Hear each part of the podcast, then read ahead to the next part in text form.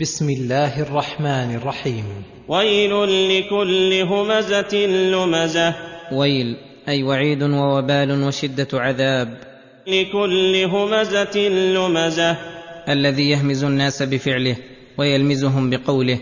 فالهماز الذي يعيب الناس ويطعن عليهم بالإشارة والفعل. واللماز الذي يعيبهم بقوله.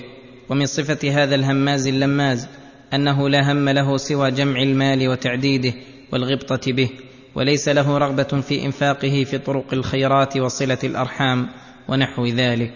يحسب أن ماله أخلده كلا.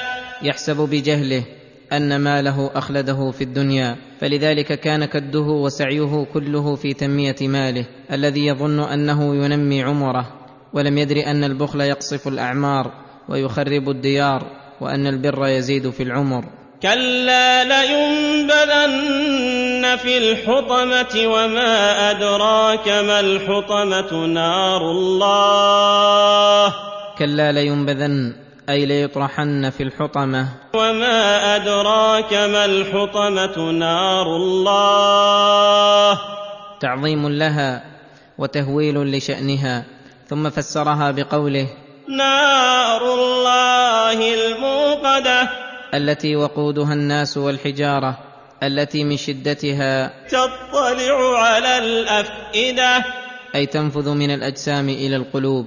ومع هذه الحرارة البليغة هم محبوسون فيها قد أيسوا من الخروج منها.